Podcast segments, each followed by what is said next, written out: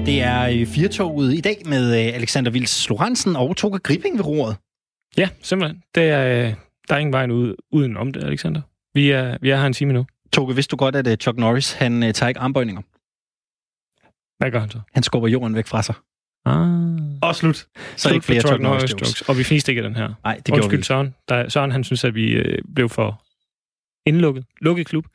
Det gør vi aldrig igen. Det beklager vi. Det, var en, øh, det, er, det er heller ikke altid, at vi øh, får muligheden for at fortælle vidigheder. Der var lidt energi, der skulle ud der. Og det kom. Og I nu er vi af med det. Ja, og grund til, at vi har talt om Chuck Norris i dag, det skyldes naturligvis, at øh, den gode Walker Texas Ranger, han i dag fylder 80 år. Så stort øh, tillykke til ham. Vi talte med Kasper Christensen fra podcasten Filmnørdens Hjørne i sidste time, og det var lidt interessant. Jeg ved faktisk ikke så meget om Chuck Norris selv, men alligevel ret imponerende, at en mand med øh, tvivlsomme skuespillerevner til synlædende har kunne øh, drive det så godt. Simpelthen fordi han er all hunk. Ja. Altså, det, det til synlædende. Det er altså, den amerikanske drøm. Chuck Norris er den amerikanske drøm. Støbt i granit. Det tror jeg ikke er meget galt. I den her time, øh, Toge, der øh, dykker vi lidt ned i øh, coronaviruset covid-19 og taler om nogle af de øh, konsekvenser det naturligvis også har. Vi skal blandt andet blive lidt klogere på, hvad det har øh, betydet for øh, økonomien, fordi du talte jo med en øh, økonom tidligere på dagen. Det har jeg nemlig gjort, fordi at det er jo ikke rigtig nogen hemmelighed for nogen længere, at øh, aktiemarkederne styrtdykker, og, øh, og det har fået nogle alarmlamper øh, lamper til at, øh, at blinke, og, og, og man kan hurtigt stå og sige, jamen hvad, hvad har aktierne egentlig med os alle sammen at gøre, men det er som regel en eller anden form for indikation af, hvordan det går med resten, og øh, og der er så nogle økonomer her blandt øh, Lars Christensen, der mener, at, øh, at det her det er en, øh, en krise, der en potentiel krise, der kan blive værre, hvis ikke vi gør noget for at øh, dæmme op for den. Fordi at en ting er, at vi kan få øh, overstået corona og så videre, og han er ikke øh, lægefaglig ekspert, men han er økonom, økonom som sagt. Øh, men, men, men derfor så er der alligevel sat nogle ting i gang allerede, som måske kan ende i en, øh, i en økonomisk krise, og det vil så blandt andet betyde, at øh, der kan komme med øh, hvad der højere ledighed, øh, lavere boligpriser og sådan noget i aller værste, øh, i, i værste fald. Men øh, Måske, er vi trods alt ikke endnu. Måske i virkeligheden tilstande, som kan komme til at mime det, vi så, da finanskrisen var på sit nyeste, eller hvordan?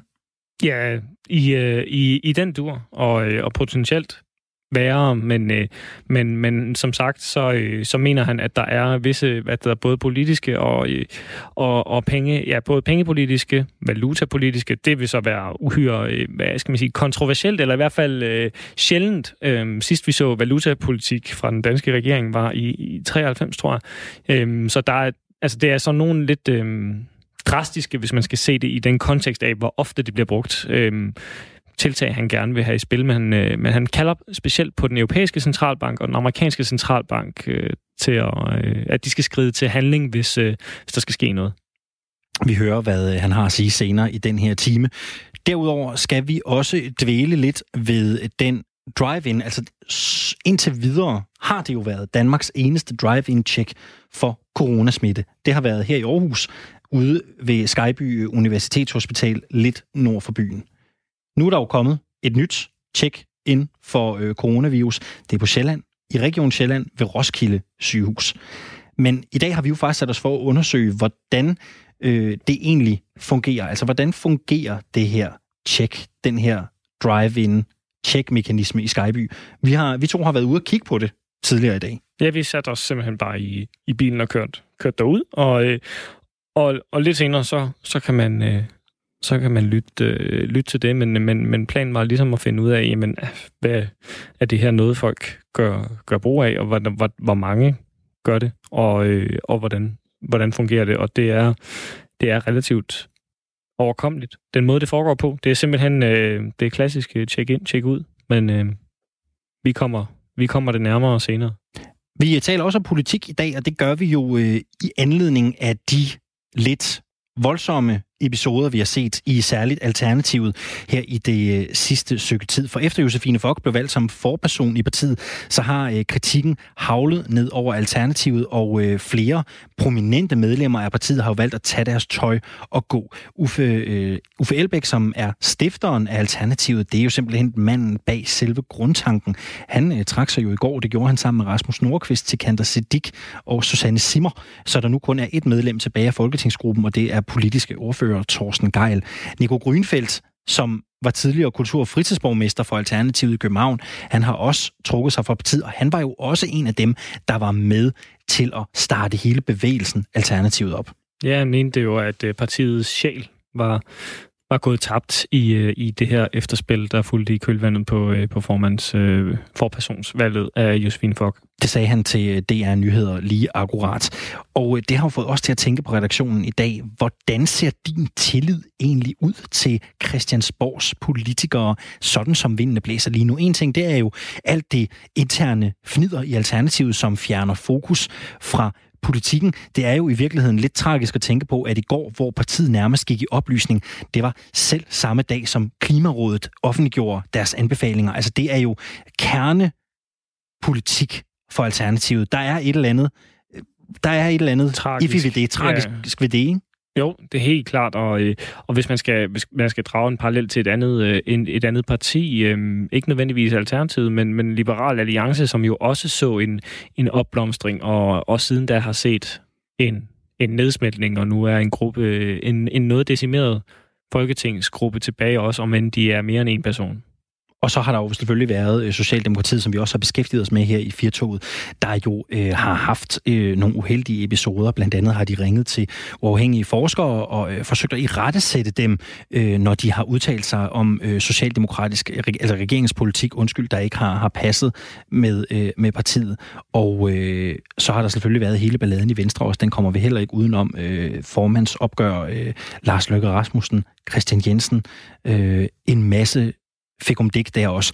Og derfor så tænkte vi i dag, hvordan er du, dig som lytter, hvad, hvordan ser din tillid ud til de politiske vinder på Christiansborg? Du er velkommen til at blande dig i øh, debatten. Ring ind til os på 72 30 44 44 72 30 44 44. Du kan også sende os en øh, sms.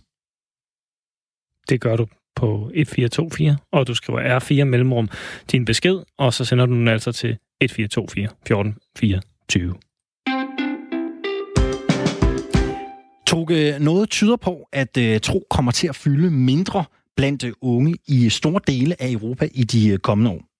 Helt klart. Og øh, det er jo fordi, at øh, der er en øh, undersøgelse, som har øh, hvad der, undersøgt unge europæers øh, religiøse forhold eller identitet, om man vil. Og den blev offentliggjort af St. Mary University i, øh, i London det er godt nok øh, ved at være et par år siden nu, men, øh, men hvis man skal tage den øh, for troende, så, øh, så har den her øh, rapport øh, eller undersøgelse analyseret de unges forhold til religion og tro, og, øh, og man har undersøgt en række lande, øh, 22 i, øh, i alt, og øh, mere end halvdelen af de unge i, øh, i 12 lande har altså svaret, at de ikke tilhører en religion eller, øh, eller tro. Øhm, det ser godt nok værst ud i, i Tjekkiet og, og Estland, øh, og, og Danmark placerer sig nogenlunde i midten. Øhm, hvordan er det at være ung og kristen her i 2020? Det spørger vi simpelthen nogle unge og kristne mennesker om, og vi har fået øh, besøg. De kommer ind uh, her lige stund. om lidt. Lige præcis nu entrerer de studiet her. Det er uh, tre unge mennesker. Jeg ved ikke, Toge, om du Lægger du nogensinde mærke til her i Danmark, øh, der er vi jo også et kristent land, hvor meget synes du egentlig sådan, at troen fylder i, i gadebilledet? Altså, hvor meget fylder religion i Danmark i gadebilledet? Jeg synes egentlig, at det fylder, fylder en del, når man øh, stopper og lægger mærke til det, fordi at der er jo kirker nærmest overalt. Øh, der er i hvert fald rigtig mange, øh, rigtig mange kirker. Så, øh, så det er nok der, jeg, øh, jeg, jeg sådan hypisk øh, lægger mærke til det. Og så ser man jo en gang imellem, at der er øh, religiøse øh, minoriteter eller øh, majoriteter i, øh, i gadebilledet. Som regel er det jo minoriteter. Øh, for eksempel, når Jehovas vidner står, øh, når jeg går på arbejde, går jeg forbi øh, to, der står og sælger øh, vagtårnet. Ja, de står der hver dag, sælger, det er rigtigt, ja. De sælger de, det måske. Nej, nej, det er præcis. noget, de bare deler ud. Ja. Øh, de står der, og, øh, og her den anden dag, der så jeg også en, øh, en gruppe mormoner, der kom i deres øh, uniformer. De stikker jo lidt ud i gadebilledet, når de øh, kommer i den der øh, montering. Så, øh, så det ser man jo en gang imellem. Nu øh, skal vi blive lidt klogere på, hvad det vil sige at være ung og kristen i Danmark. Vi har fået gæster i studiet. Det er Sara Søgaard Kofod, Lisette Sommer Mikkelsen og Rasmus Strøm Risbjerg. Velkommen til jer alle sammen. Tak. Og endelig gerne samle jer. Jo tættere I er på øh, mikrofonerne, ja. jo, jo bedre. Så kan vi få øh, lyden øh, godt ud. Og lad os lige øh, få præciseret. Sara er 22 år gammel. Vi har Lisette, som er 23, og Rasmus er 24. Lad os starte med... Øh, lad os være lidt utraditionelle i dag. Lad os være uhøflige og starte med mændene først. ja. uh, lad os starte med dig, Rasmus. Uh, prøv at sætte nogle ord på, hvor meget fylder hvor meget fylder tro i din hverdag? Jeg synes egentlig, det er et rigtig godt spørgsmål, fordi egentlig så fylder det ikke så meget i min hverdag, når jeg lige tænker over det. Men jeg tror, for mig, øh, så, så er det også fordi, det ligesom er en meget, meget stor del af min hverdag. Så jeg tror, jeg tænkte lidt over på, hvordan man ligesom kunne forklare det. Og jeg tænkte, det er måske lidt ligesom, når vi alle sammen går og tænker, vi er danskere. Men det er jo ikke noget, vi sådan går i hverdagen hver dag og siger til os selv sådan, åh, oh, jeg er dansker, så derfor gør jeg det her, eller sådan et eller andet. Så jeg tror for mig, at det er nok en meget god måde at beskrive det på, at det er så stor og vigtig en del af min identitet, at det ligesom ligger grund for det hele. Så det er noget, jeg går rundt og er hele tiden. Så det fylder egentlig ikke så meget sådan lige præcis det, sådan, den tanke om, jeg er kristen. Men, men i virkeligheden, så fylder det noget i alt, hvad jeg gør. Men lægger du så mærke til det for eksempel, når du, bliver, når du møder nogen, der, øh, der enten identificerer sig som ikke-kristne, for eksempel. Nu tænker jeg bare over det der med at være dansk, er ikke noget, man tænker over til hverdag, men for eksempel, når jeg så øh, møder andre mennesker, så tænker jeg enormt meget, altså fra, øh, fra andre lande, så tænker jeg lige pludselig, at jeg er dansk, fordi at så lægger jeg mærke til, hvad jeg gør, som de ikke gør, øh, og hvor jeg tænker, det er kulturelt betinget, men, øh, men måske også øh, nationalt betinget. Ja, altså jo, og der synes jeg, sammenligningen egentlig passer, den passer egentlig ret godt, ikke?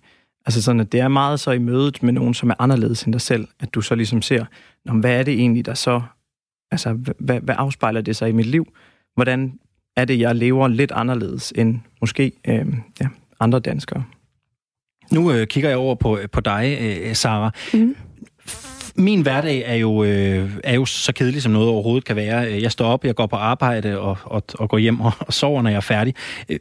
Jeg ved ikke ret meget om, hvad det vil sige at være øh, rigtig kristen, og ikke bare kulturkristen mm. som ung. Kan du ikke prøve at tage os igennem, hvordan forløber en dag for dig? Altså sådan noget, beder du, beder du bordbøn eksempelvis, inden du, inden du spiser? Hvordan ser en dag ud? Ja, altså egentlig så tror jeg, at min hverdag ligner meget din. Jeg tror ikke, der er så meget særligt ved egentlig at have en kristen hverdag, eller man kan bare leve ligesom alle andre normale danskere egentlig. Øh, jeg tror, noget jeg altså, eller jeg tror, at troen fylder meget af mine tanker. Især, jeg tror, at jeg tænker meget over, hvordan man behandler andre mennesker, og ja, hvad, hvad jeg synes, der er vigtigt at prioritere, og sådan nogle forskellige ting. Og samtidig så synes jeg også, at det er mega vigtigt, at man som kristen ikke holder sig tilbage fra, hvad alle andre danskere de gør. Fordi jeg tror egentlig virkelig godt, at vi kan være med i alle mulige ting, fordi vi er... Og hvad er det for ting, man ikke skal holde sig tilbage fra så? Altså, jeg tror, mange har fordomme omkring, hvad man må som kristen, og hvad man ikke må som kristen. Og jeg, jeg ser det ikke så meget som noget, man... Det her må du, og det her må du ikke. Øh, jeg, jamen, jeg, jeg tror egentlig, at det er vigtigt at vise, at, ja, at jeg er dansker, jeg er menneske, ligesom alle andre. Øh, jeg tror, jeg har nogle ting, som jeg måske prioriterer, fordi jeg prioriterer for eksempel at gå i kirke, og jeg synes, at det er rart at være der og sådan noget, fordi der også er nogle ting, jeg tror på, og, og sådan, men, Jamen, ja, det er egentlig ikke... Altså, nu sagde du lige selv det der med at bede bordbøn, mm. og, og det er egentlig... Det må jeg altså endnu men det gør jeg ikke så tit.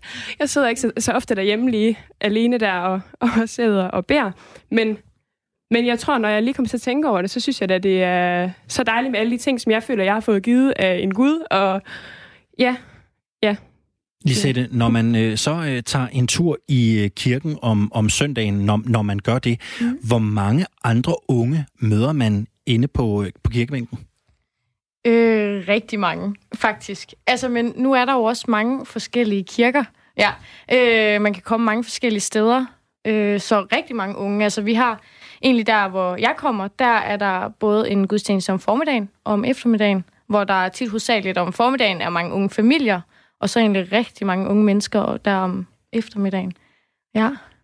Nu var du inde på det, Sara, men jeg vil egentlig gerne stille et spørgsmål til, til jer alle sammen, fordi at der er jo netop den her øh, nogle gange stereotyp blandt andre øh, unge danskere for eksempel, om at hvis man er religiøs, at så er man underlagt en form for øh, hvad der, social kontrol, og den kan være stærk, eller den kan være mild. Øhm, ser jer selv som, som, he, som underlagt det en gang imellem? For eksempel, hvis øh, I nu skal vælge en øh, partner, og øh, altså er I meget bevidste om, at vedkommende for eksempel skal være kristen? Og er det fordi, at det er jeres valg, eller er det fordi, I gerne vil øh, gøre familie og andre bekendte tilfredse? Mm. Altså, jeg, jeg tror egentlig, ligesom at man måske kan have en holdning om, at jeg synes, det er helt vigtigt, at vi øh, passer på dyrene, så vælger jeg måske en partner, som har måske lidt af de samme tanker, som jeg har omkring det. Eller ja, sådan nogle ting, man virkelig vægter højt. Øh, der tror jeg for mig også, at det egentlig er meget rart at have nogle have en partner, som man også kan dele sin tro med. Øhm, Samtidig tror jeg også, at man kan have det rigtig godt med alle mulige andre. Øh, og jeg tror egentlig også godt, at, det, at der kan være noget i, at man måske er for forskellig på nogle punkter. Men ja, lige i forhold til ens tro, så er det bare... For mig er det så vigtigt, at jeg synes, at det også er nemmere at have at finde, eller nu har jeg en kæreste, men ja, at have en, have en kæreste, som egentlig deler samme tro som mig. Og øh, lad os få jeres, øh, jeres take på det også. Lad os, lad os starte med dig, Rasmus. Jamen nu, jeg er jo gift, og, øh, og det betyder, at, at jeg ligesom har en hverdag sammen med min kone. Og, øh, og jeg hun må er også sige, kristen. Ja, hun er også kristen, ja. ja. Og jeg må sige, at, at jeg tror, der vil være mange ting, der vil være virkelig udfordrende og vanskeligt ved, hvis vi ikke ligesom delte troen. Hvad er det for ting? Altså, for eksempel så tænker jeg, at hvis vi engang skulle have børn sammen, og man så ligesom skal opdrage sine børn, så er det meget, altså, er det meget rart at vide, at vi er enige om, hvilken måde øh, altså, vi ser på andre mennesker på. Hvordan vi behandler folk som altså, minoriteter og sådan. At den der tanke om, at, at vi, har, vi har det samme grundlag, øh, som vi argumenterer ud fra.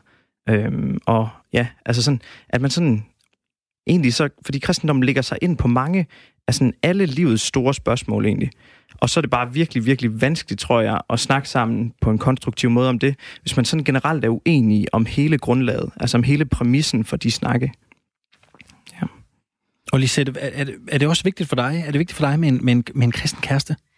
Øhm, ja, det er det faktisk. Og jeg tror måske, øh, jeg vil komme til at kunne sige meget som mange af de andre. Det handler om, altså værdier er bare øh, meget betydningsfuldt, tror jeg. Og jeg tror for mig handler det også om, at det er bare på en eller anden mærkelig måde måske. Ej, det er bare sådan en stor del af mig. Så jeg vil synes, øh, måske i hvert fald vil komme til at synes, at der vil mangle noget, hvis, hvis måske den person, jeg var sammen med, ikke kunne ligesom øh, forstå det på samme måde.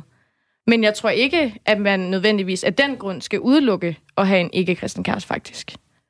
Hvad møder I for reaktioner? For jeg tænker jo også, at, at, at det, er jo ikke, det er jo ikke alle, der er jo, hvis man skal tro på, på de undersøgelser, der bliver foretaget, så, så er der ikke langt størstedelen lever på, på en anden måde, end, end I gør som, som unge mennesker.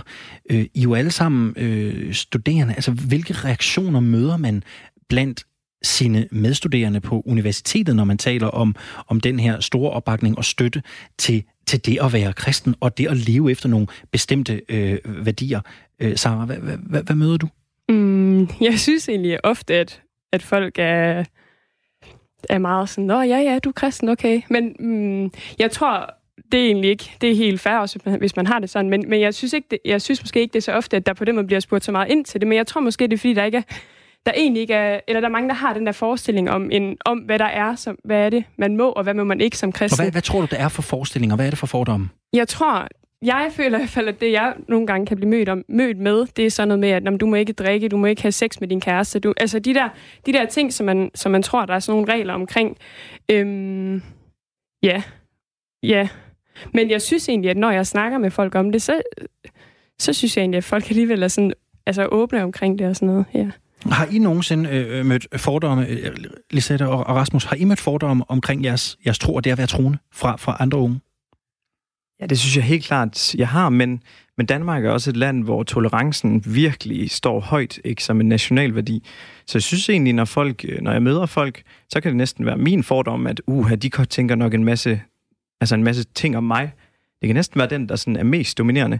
For når man møder mennesker, så plejer de jo egentlig bare virkelig at være dejlige og snaksalige og rare, og egentlig spørge interesseret ind, ikke? Fordi, ja, fordi det er jo en, et af de emner, som vi måske har lidt berøringsangst med, men når vi først kommer i gang, så er det noget, som alle folk interesserer sig for og egentlig gerne vil snakke om.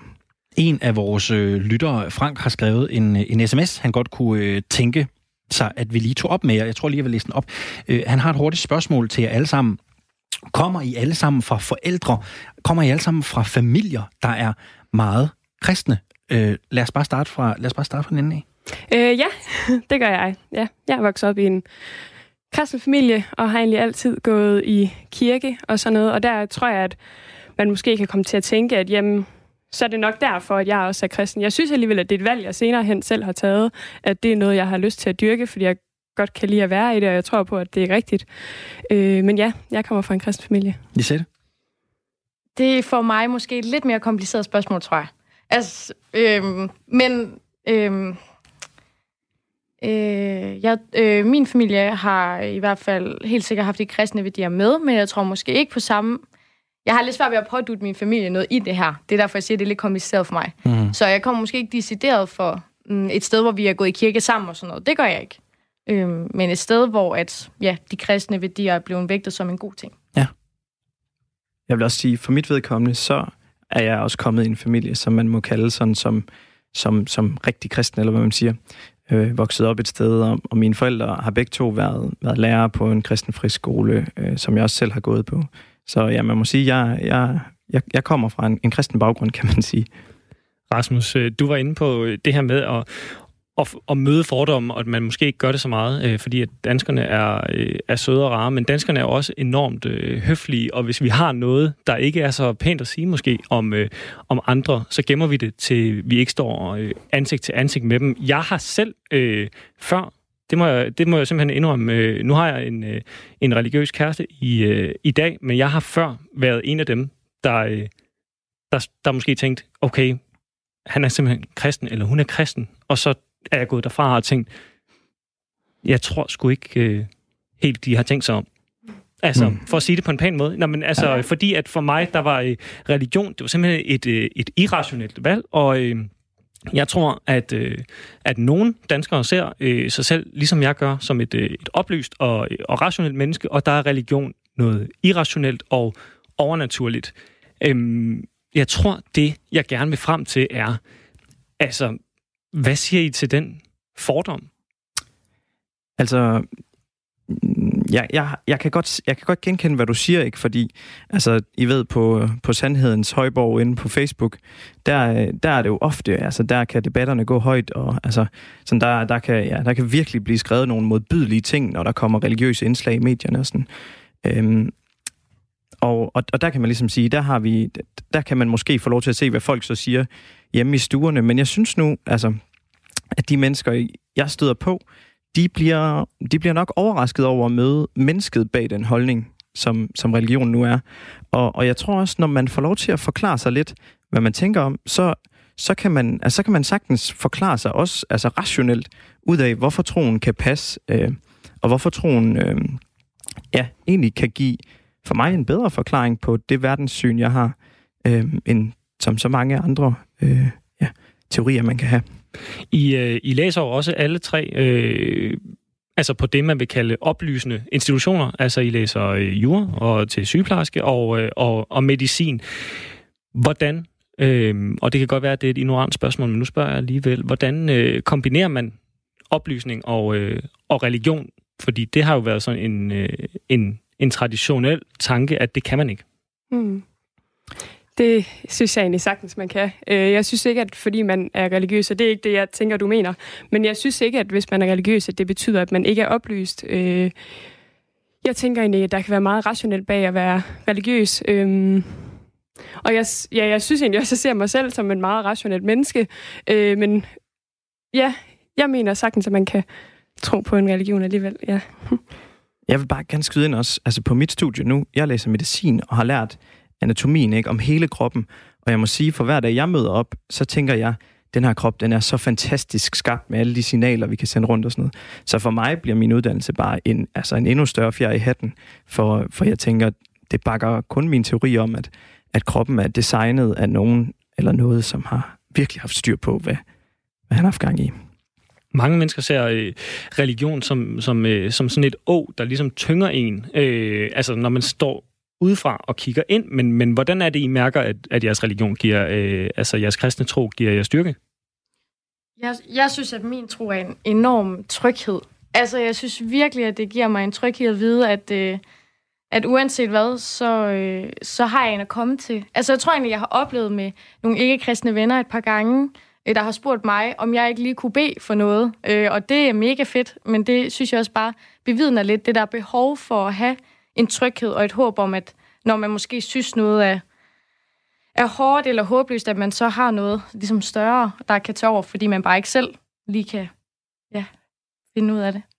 I øh, kommer jo øh, alle sammen fra øh, hver jeres studie, hvor I naturligvis har venner og medstuderende, som kommer fra alle mulige andre baggrunde end jer selv. Men jeg godt tænke mig at høre jer øh, give et bud på, hvad det er, hvad det er, øh, kristne kan sammen. Altså, hvad er det, man kan i øh, samvær med andre kristne, som man måske ikke kan på samme måde med andre? Øh, så?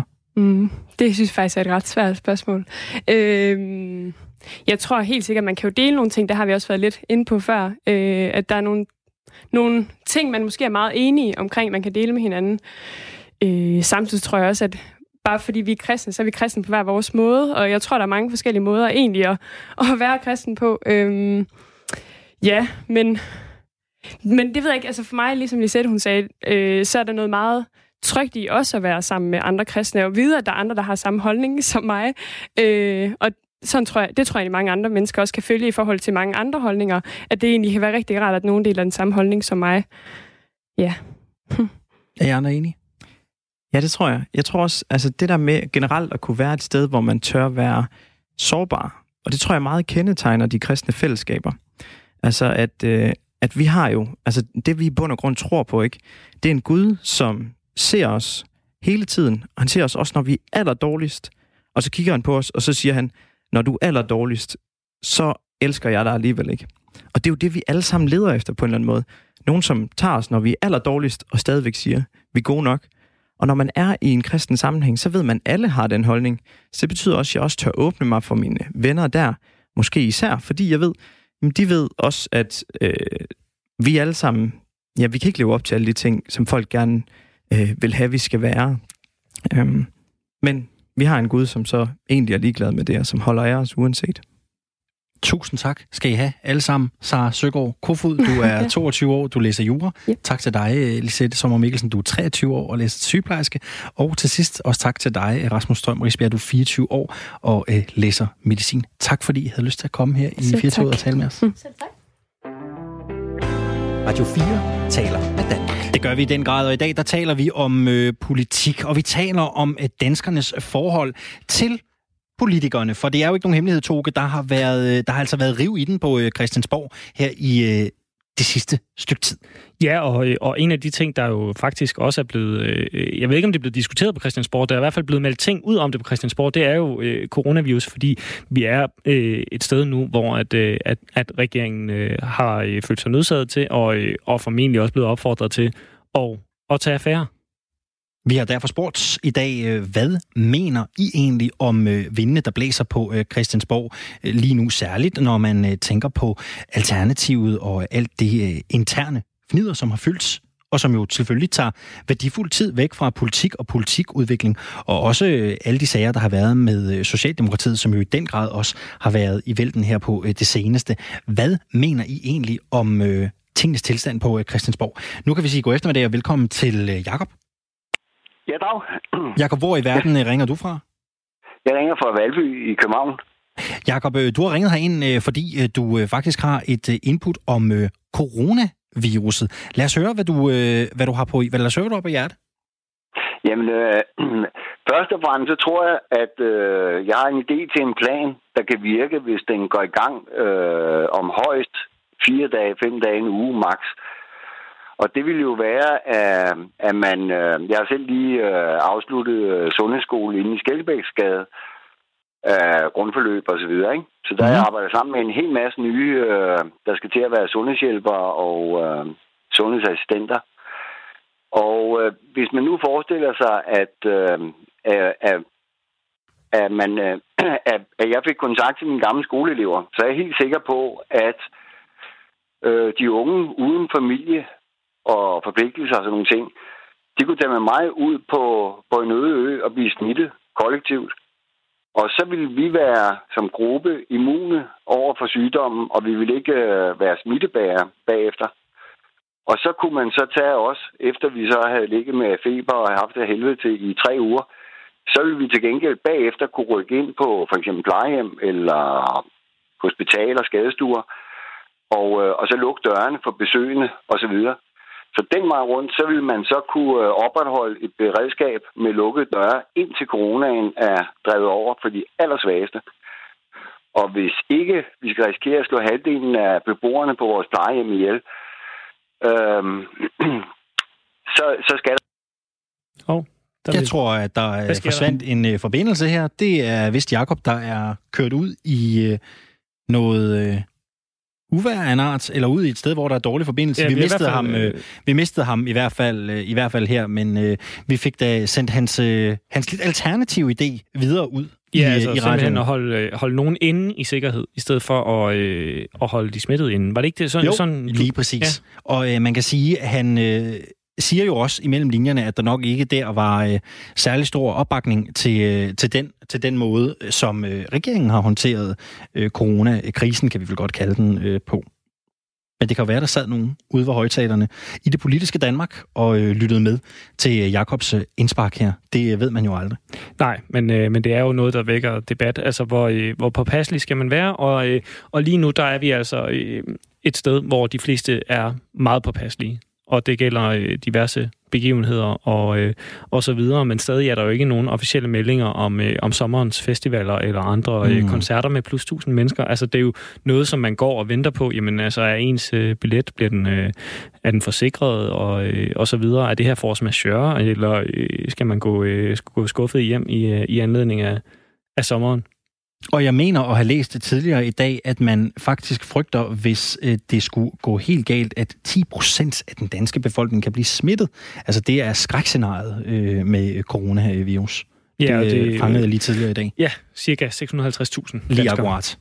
Vi bliver lidt ved øh, coronavirus, Toge, fordi øh, det er jo ikke nogen hemmelighed, at der jo er blevet talt meget om den her øh, drive-through corona-test, man kan få her på, øh, på Skyby sygehus i Aarhus. Lige præcis. En test, der jo har bidraget til at få opklaret et stort antal øh, hvad der er smittet, simpelthen. Altså, så den er jo øh, en enorm hjælp for, øh, for danskere, fordi det er så nemt at komme ud og, øh, og blive tjekket. Så får du et svar, og så, øh, så kan du ligesom øh, fortsætte i, øh, i livet med, med den information. Altså enten hopper du to uger i karantæne, eller også så øh, er du smittefri og kan, kan frit fortsætte dit liv. Og, øh, og det er jo ligesom der, hvor de her drive-thru, de virkelig øh, gør underværker, og det, vi ville have syn for, for sagen. Ja, og derfor så satte vi to os ind i en øh, bil tidligere på formiddagen og øh, kørte en tur mod øh, Skyby i det nordlige Aarhus.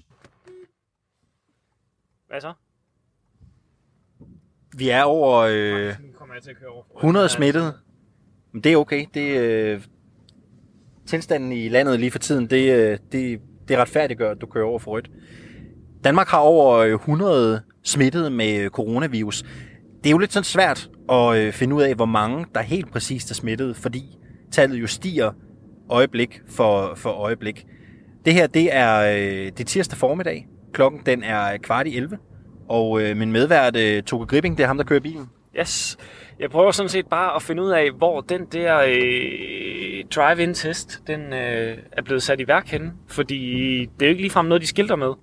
Og, øh, og det er jo ikke fordi, at vi skal ud og, øh, og se giraffen, Alexander. Og så alligevel, så skal vi jo ud og se, hvad det hele øh, handler om. Men vi skal ikke, øh, vi skal ikke optage pladsen for, hvad det hedder, for nogle af dem, der, der potentielt kunne være smittet.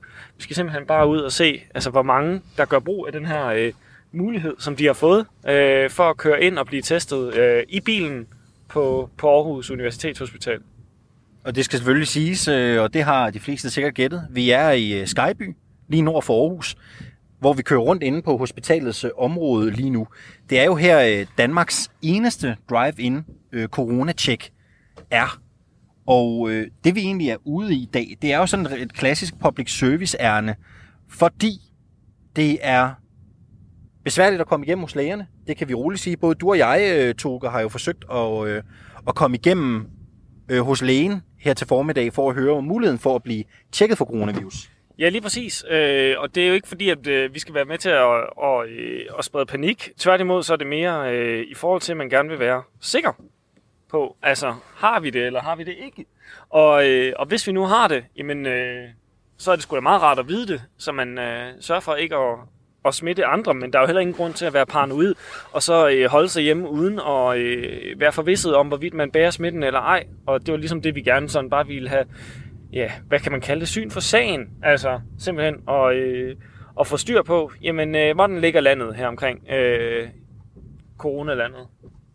Jeg øh, er netop flyttet til Aarhus, øh, men har ikke fået flyttet læge nu. Så jeg forsøgte at hænge igennem hos min daværende læge på Østerbro i øh, København. Og jeg må bare sige, at øh, jeg har aldrig før oplevet at sidde så længe i øh, telefonkø hos en læge før. Øh, man kan jo spekulere i, om det skyldes øh, corona, men det var i hvert fald svært at komme igennem. Og, og du blev jo opfordret i forhold til muligheden for at komme herud, simpelthen til at ringe til den nationale corona-hotline. Når vi hen her. Ja, ja men øh, jeg ringede til min læge og, øh, og spurgte, altså simpelthen, hvad, hvad kan jeg gøre? Og så siger de, hvis du er i tvivl, så er det ikke mig, du skal tale med, så er det hotlinen. Nu trænger jeg en billet her, tror jeg. Hvad, hvad så? Fjern kort. Ja, okay. Ja, nu fik vi en P-billet her. Øh, jeg ringer simpelthen til lægen der og spørger, og så siger de, at du skal ringe til hotlinen for at, øh, at blive klogere. Og så tænker jeg sådan, okay, det virker ekstremt, og, øh, og simpelthen at, at ringe til, til hotline for en spinkel, altså sådan virkelig ingen mistanke nærmest. Øh, hvor hotline så også beder mig om at ringe tilbage til lægen. Og så øh, er det jo, at tænker, okay, jamen, øh, skal man så bare gøre ingenting, eller hvad? Hvis man, hvis man har den her tvivl, det må der jo være andre danskere, der også har været ude for at, at gå med den her tvivl, og, øh, og så er der ligesom ikke så meget at, øh, at gøre, udover at, øh, at væbne, væbne sig med, med tålmodighed og, øh, og ride, ride, ride stormen af indtil til smitten stopper. Hvad så? Skal jeg stikke den her ind? Jeg tror, du skal betale, tror jeg. Vi skal have et betalingskort frem. Jamen, øh, det må så blive... Det må så... Nej, okay. Super. Det er, vi har ikke været her længe nok. Vi søger videre. Jeg tror, vi skal prøve at køre til højre her ud af hospitalsområdet igen, og så prøve at køre til venstre. Hvis jeg ikke tager meget fejl, så bør det ligge et eller andet sted herover bagved. Ja, ja lige præcis. Til venstre her, ud forbi letbane stationen. Okay, Nå, det, oh, det er godt, der er nogen, der er mere styr på den, jeg har. Nej, men jeg kan ikke vide det, men jeg synes bare, jeg har set nogle billeder af noget teltlignende opstilling. Det er vist et eller andet med, at man skal igennem noget, der ligner et partytelt. Måske vi skal til højre et eller andet sted herhen af. Kunne det ikke være, at det lå dernede? Nå, det kunne godt tænkes. Det kunne godt tænkes. Ja, ja, godt nok. Så, hvor fanden? Nej, nej, nej det her er en blinkede. Nu er vi i hvert fald kørt op på taxaholdpladserne og heroppe ja. sammen med Flextrafik. Vi må da ikke håbe ja. det her. Nej, det bliver en klassisk uvending, det her. Som vi har set dem før. Så skal ham Citroën bare lige øh, bestemme sig for, om han vil ud eller ind. Danmarks bedste hospital. Jeg skulle da ikke til at skilte med, hvor man kan blive testet for corona.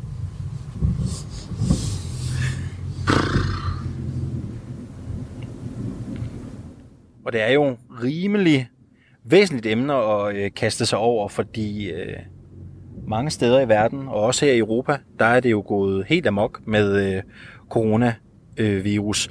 Jeg var inde og tjekke øh, SAS hjemmeside i går, og også øh, Københavns Lufthavn, og øh, man skal jo være virkelig, virkelig heldig, hvis man skal have et fly til Italien.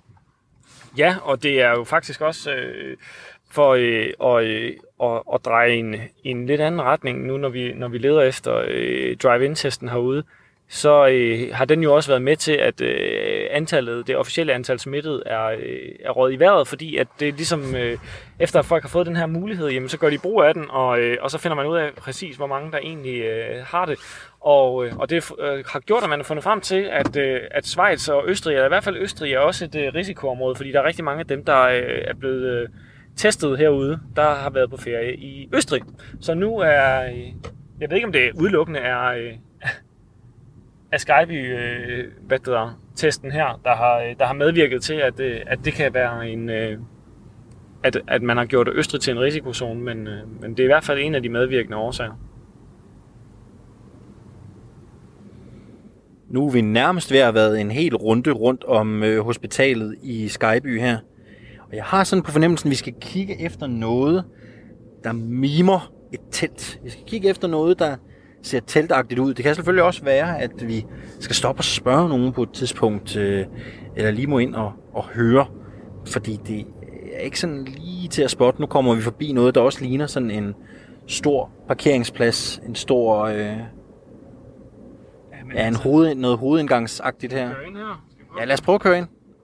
Se, det er satanede men godt nok, øh, det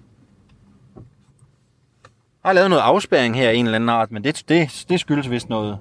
Det ligner, det skyldes noget helt andet.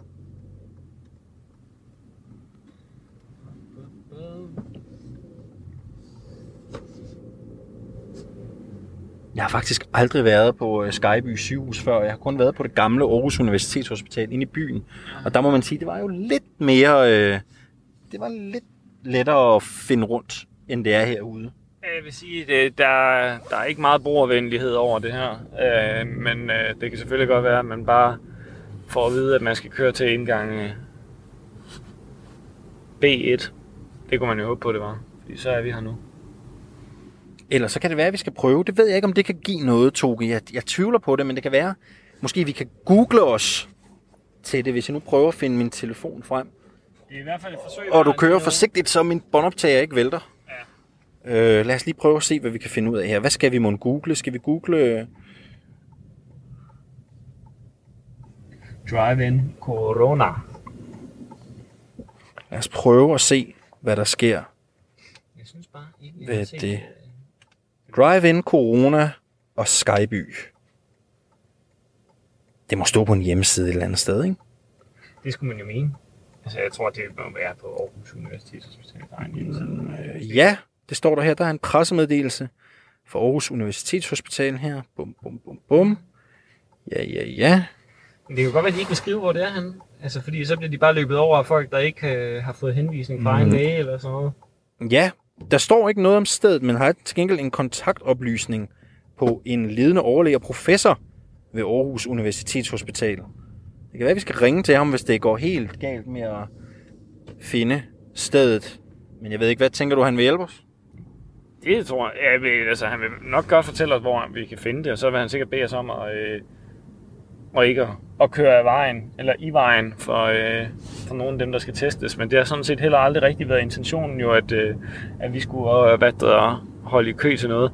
Det er sådan set nærmere for at se, og måske tale med. På behørig afstand naturligvis. Vi skal ikke bære, bære potentiel smitte videre, men øh, så må vi jo bede folk om at, at råbe, hvor de har været på ferie, og hvorfor de gerne vil testes. Jeg aner seriøst ikke, hvor vi er henne. Jamen, det, det er ikke hospitalet herinde til venstre, vel? Nu er vi ved at være ude af hospitalsområdet. Ja, infektionssygdom test. Hallo? Jo, oh, det er derinde til venstre. Sådan! Så for søren, vi er der nu. Vi er der nu. Det er faktisk lidt pudsigt, ikke? Vi har kørt helt den forkerte vej. Ja, Vi har okay. kørt hele vejen udenom. Men det er faktisk en ganske... Og der holder ganske, biler i kø her. Ja, ganske beskeden øh, tal godt nok. Og det her, det er altså ganske rigtigt. Altså lad os lige prøve, og prøv lige at trille forbi stille her, Toge. Altså til min højre side lige nu, ser vi noget, der ligner, vi kan vel godt kalde det et partytelt? Ja, øh, det, det, altså det ligner sådan en klassisk øh, telt, der er i alle mulige og umulige, øh, hvad det hedder, både festivalsammenhænge og, øh, hvad det hedder, altså sådan et sted, hvor man går ind, øh, når man skal indtræde for eksempel en fodboldkamp eller en koncert eller sådan noget, og så kan man lige, så er der nogle borde derinde måske, altså ville der normalt være, hvor man kunne smide sin taske, og så ligesom få testet, hvad, jamen, hvad er der i tasken her? Prøv- lige at bakke en lille smule. Vi holder faktisk øh, vi holder lidt i vejen i indkørselen her. Man ved jo aldrig, hvem der kommer forbi. Men jeg kan fortælle, at det, der sker her, det er, at der er selvfølgelig en bil ind ad gangen. Det er jo drive-in-test, og det betyder selvfølgelig også, at man ikke behøver at forlade sin bil, når man skal testes her. Man kører ind i teltet. Det ligner sådan et øh, almindeligt partytelt. Som sagt, der kan sgu måske have siddet 20 gæster derinde. Og når man kører ind i teltet, så bliver der trukket et, øh, en port, et gitter af en art for i begge ender, så man ikke kan se ind. Altså, vi kan ikke se, hvad der sker inde i teltet. Nej. Øh, vi kan så gengæld se, hvad der sker udenfor. Der står en lille gruppe mennesker øh, og, øh, og kigger på os. Jeg kan ikke se, de ser ud til at være ansat her på, øh, hvad der, på, på hospitalet. Og så holder der ellers øh, så holder der to biler i, øh, i kø. Og øhm, folk er så rimelig tålmodige. Altså, der, er slet ikke, øh, der er slet ikke noget dommedagsstemning over det her. Det går sådan stille og roligt fremad. Bortset fra, nu kommer der så en ud og åbner op for den næste bil. Han er godt nok øh, velpakket ind, ham der med maske, kittel og... Øh, er det pandelygte også? Vi holder i vejen her. Jeg tror, vi, skal, vi bliver bedt om at, at køre lidt for tre ansatte. Det er helt sikkert tre ansatte, men har god stemning. Altså, folk smiler, og, øh, og det lader ikke til at være panik, som du også ganske rigtigt øh, siger, øh, Toge. Jeg ved ikke, om de vil have os til, jeg ved, om, jeg ved, om de vil have os til at køre ind i teltet. Nej, det tror jeg ikke. Det kan jeg ikke forestille mig, men vi kan godt lige prøve at vende rundt, og så prøve at spørge dem faktisk, hvad, hvorfor de står der. Lad os se, om de, vil, om de vil sige noget. Så kommer vi til at gøre det på den måde, du ruller vind, fordi så kommer vi om på din side. Det er rigtigt. Så prøver vi lige at se, om vi ikke kan lave, om vi ikke kan lave det stunt. Men altså, tre biler holdt, øh, holdt her for et øjeblik siden. En var inde i øh, drive-in-testen, og to holdt og ventede i, øh, i kø. Og folk kommer jo naturligvis alene i, øh, i de her biler. Folk kommer alene selvfølgelig, fordi folk jo er bekymret for, om de er, er syge eller ej.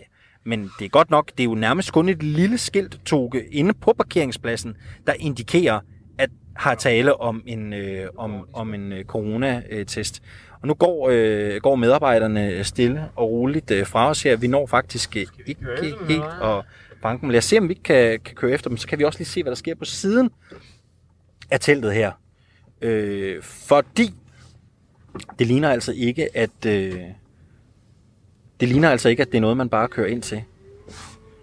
Nej, øh, det er noget, man skal... Øh... Nå, de er på vej væk, dem der. Hvad? Kan vi ikke bare holde her? Prøv. Oh, øh, øh, undskyld. Undskyld. Vi kommer fra Radio 4. Må vi stille et par spørgsmål om, hvad der foregår her? Nej, okay. Der er... Vi tager ingen billeder. Vi tager ingen billeder. Ingen... Vi må ikke tage billeder? Ja. Nej, det har vi da heller ikke tænkt os. Nej, det gør vi ikke. Men der er altså ingen her, Nå, de det er selvfølgelig fordi, at de vil, man vil jo selvfølgelig ikke sprede øh, mistanke og sådan noget, hvis man ser en nummerplade eller en person. Men altså ikke nogen af de ansatte her, der havde lyst til at fortælle, hvad det, hvad det, er, øh, hvad det er, der sker og også, øh, sådan, hvad, hvad, reglerne, hvad reglerne er. Øh, nu holder der en bil tilbage i, i køen her, og det ligner altså, kører man ind og ud samme sted, eller Nej, man kører ud bagved. Det må være sådan, ikke også? Altså, så kører man ind, og så kører man øh, om i sådan en øh, aflukket baggård, havde jeg sagt. Der kunne man jo godt... Det er måske for privatlivet, at man ikke kører... Øh, det, nej, det, jeg kan ikke rigtig se, hvorfor man skulle... Det er simpelthen bare klassisk drive-thru. Det er ligesom sådan en form for vaskeri. Altså, du kører ind, og så... Øh, hvad der, så holder bilen derinde i et stykke tid, indtil du er færdig, og så, øh, og så er det ellers bare ud på den anden side. Glad og fro, eller øh, i hvert fald afvente et øh, testresultat. Der er så kommet en ny bil i mellemtiden. Så det er jo et, et sted, der bliver frekventeret rimeligt. Og, øh, og hvis man skal tro øh, tallene fra de tidligere dage, jamen, så, så fortsætter det jo med at stige. Men det, det, efter, det må vi jo vente og se, hvad, hvad, der, hvad resultaterne ligesom kaster af sig. Det, myndighederne er jo gode til at, øh, at berette, når der er noget. Ja, der ser vi det. det ser, der bliver åbnet samtidig med, at øh, en bil kører, kører ud. Det var godt nok en bil med to passagerer, det der. Så, øh, så det kan være, at de begge to skulle testes nu er der lige kørt en ny bil ind, og jeg ved ikke, vi har jo holdt her et stykke tid, Toge, men nu, har, kommer har, der, nu kommer der endnu en også. Så der er sådan en rimelig flow. Der er altid cirka en til to biler ude foran. Og hvad, hvad, hvor længe har vi været her nu, Alexander? Vi har været her i fem minutter. Og hvis det er et flow, der sådan, øh, ligesom bliver opretholdt, jamen altså, så er det da flere hundrede i, øh, i løbet af en, øh, af en dag, der når at, at køre igennem og blive testet. Og så må man jo så også antage, at, øh, at, at en stor række af de potentielle tilfælde bliver, øh, bliver opdaget, når folk bliver testet så grundigt hvor lang tid tager det egentlig? Altså har du lagt mærke til, hvor lang tid man er derinde? Altså hvor lang tid tager selve... Øh, det, er jo en, det, er jo en, det er jo en halsbodning, der foregår inde i teltet. Man bliver bodet i halsen af... Øh, det ligner, der står en mand derinde, altså en læge eller en sygeplejer. Jeg går ud fra, at det er en læge, som står derinde og, og poder i halsen, og så kører man ud. Altså har du lagt mærke til, hvor længe bilerne er derinde? Nej, det er ikke meget mere end et par minutter. Jeg tror simpelthen, det er, at man oplyser lige, hvem man er, og øh, hvorfor man har ret til at, at være der. Fordi det, vi ville jo ikke kunne køre ind. Altså, øh, vi ville ikke kunne køre ind og gøre det der, som, øh, som bilerne her gør. Så ville vi blive, blive afvist i døren og formentlig få lidt af en, øh, en reprimande, fordi man skal jo have, hvad det hedder, have henvisning fra, fra egen læge. Så jeg tror, det er lige de der, man bruger måske et halvt minut eller et helt minut på at fortælle, øh, hvem man er, hvorfor man har ret til at, at være der. Og så, øh, og så er det, at øh, man får en halspodning, simpelthen. Altså, hvor de stikker sådan en form for, øh, hvad hedder det? Jeg kan ikke engang huske, hvad det hedder. Q-tip. Hvad hedder det på dansk? Sådan en, øh, hvor man lige bruger til at pode ind i halsen, og så lige øh, skrabe en, hvad der, en, en prøve, og, og så kører man ud. Og det er sådan set, det er sådan set det, der foregår. Og så, så afventer man ellers et resultat. Man bliver bedt om at køre hjem, og så ikke, hvad der, have kontakt til, til nogen, man potentielt kan smitte resten af, af dagen. Og, og når man så får et, øh, et svar på prøven, så, så kan man forholde sig til det. Og så ved man så, om man skal være i karantæne i 14 dage, eller om man skal fortsætte ufortrødent. Og nu kører øh, den ene bil ud. Du har ret, det tager cirka det tager tre minutters tid at være igennem i tjekket her. Og jeg var faktisk lidt i tvivl, om det egentlig ville være muligt at køre ind uanmeldt. Altså om det ville være en mulighed. Men det lader jo lidt til, at der står folk og holder øje, og det ikke er et eller andet. Altså det kan man ikke gøre. Altså hvis man lige er i nærområdet, hvis der er nogen, der sidder derude og tænker, jeg har haft det lidt skidt, jeg har været i kontakt med nogen, som har været smittet, så kan man altså ikke bare køre herop, er der noget, der tyder på. Ja, og så, kan, så, så bliver man jo nødt til at kontakte sin egen læge, så kan man jo håbe på, at det er en læge, der er lidt mere behjælpelig end, øh, end min egen, og ikke bare øh, siger, at det kan jeg simpelthen ikke hjælpe dig med. Fordi at, øh, det må være lægens ansvar at sige, ja, så kommer du bare ind. Øh, jeg, jeg ringer op til infektionssygdom hos øh, AUH, det er infektionssygdom, der står for den her test, og, øh, og så sørger jeg for, at, øh, at du får lavet en aftale, og så kan du komme forbi og blive testet. Alexander Vils Lorentzen og Toge Gripping for Radio 4 foran et hvidt coronatelt i Skyby Nord ved Aarhus. Ja, det var et indslag fra Skyby sygehus. To tosser på tur, kunne man kalde det, men, øh, men altså ikke desto mindre. service. Det var, øh, hvad det, det var en undersøgelse af, hvordan det fungerer med det der drive-in. Og, øh, og det er jo stadigvæk nærliggende og, øh, og beskæftige sig desværre med, øh, med corona, fordi at øh, der bliver konstateret nye tilfælde på daglig basis. Øh, PT er der 156 kendte tilfælde af coronavirus, og øh, der er ingen grund til, ifølge øh, myndighedens beredskab, og antage, at, øh, at der bliver færre i hvert fald lige øh, forløbig. Men øh, forhåbentlig så med tiden, så kan vi jo øh, sænke dens spredning. Der er kommet en sms, der spørger til, øh, hvad med husdyr? Kan de blive smittet og give, videregive øh, virusen til mig eller andre dyr? Fordi at min kat strejfer meget og slås en del med andre katte, ligesom katte gør flest. Der er PT ifølge WHO, altså Verdenssundhedsorganisationen, er der ingen beviser for, at øh, kæledyr som øh, katte eller hunde skulle øh, blive øh, inficeret med, med den nye coronavirus, men man skal selvfølgelig tage sine forholdsregler, ligesom man gør i alle andre sammenhænge lige for tiden, så skal man tage sine forholdsregler, så det er en god idé. at øh, vaske dine hænder med sæbe, eller afspritte dem, efter du har haft kontakt med kæledyr. Og øh, hvis du selv har det, så er det selvfølgelig før du har kontakt med kæledyret. Øhm, og det beskytter dig, og så skal man selvfølgelig have minimal kontakt med kæledyret, det er klart, hvis man har mm. fået coronavirus. Øhm, så det beskytter dig sådan generelt. Så øh, det lyder uhyre simpelt, men øh, simpelthen god god personlig hygiejne, det er, øh, det er også vejen frem her, når man snakker kæledyr. Nu fik vi øh, tidligere på timen øh, tisse for, at vi skulle dykke lidt ned i, øh, hvad det her øh, coronavirus og hvad covid-19-epidemien har betydet for, for vores økonomi. Men som den kvikke lytter måske bemærker, hvis man kigger på uret, så er klokken jo så småt ved at nærme sig 17. Så det når vi øh, simpelthen ikke i øh, dag, men øh, jeg kan godt love, at vi naturligvis bringer det her indslag i morgen. Toge, det er dig, der har talt med Lars Christensen om, hvordan coronavirus påvirker verdensøkonomien, og også tale lidt om, hvordan den kommer til det i fremtiden. Ja, simpelthen. Altså, øh, hvordan økonomien bliver påvirket, kan blive påvirket, hvordan vi kan gøre noget ved det. Vi er ved at være færdige med øh, Firtoget for i dag i et øh, program, hvor vi øh, som sædvanligt har været øh, vidt omkring. Øh, øh, vi har naturligvis talt om øh, coronavirus. Vi har talt lidt om, hvordan det egentlig fungerer, når man skal igennem den her drive-in corona-check, som indtil videre jo kun har været her i Skyby ved Aarhus. Men nu er det altså også kommet til Roskilde. Ved Roskilde sygehus har man indført en, øh, en lignende ordning, så nu kan patienter på Sjælland også køre ind, hvis man vel at mærke bliver godkendt af sin egen læge. Det er ens øh, vagthævende læge, som skal... Øh, som skal sende en videre i systemet. Vi har også øh, talt om Chuck Norris i dag, Toge, som jo bliver 80 øh, år gammel. Simpelthen.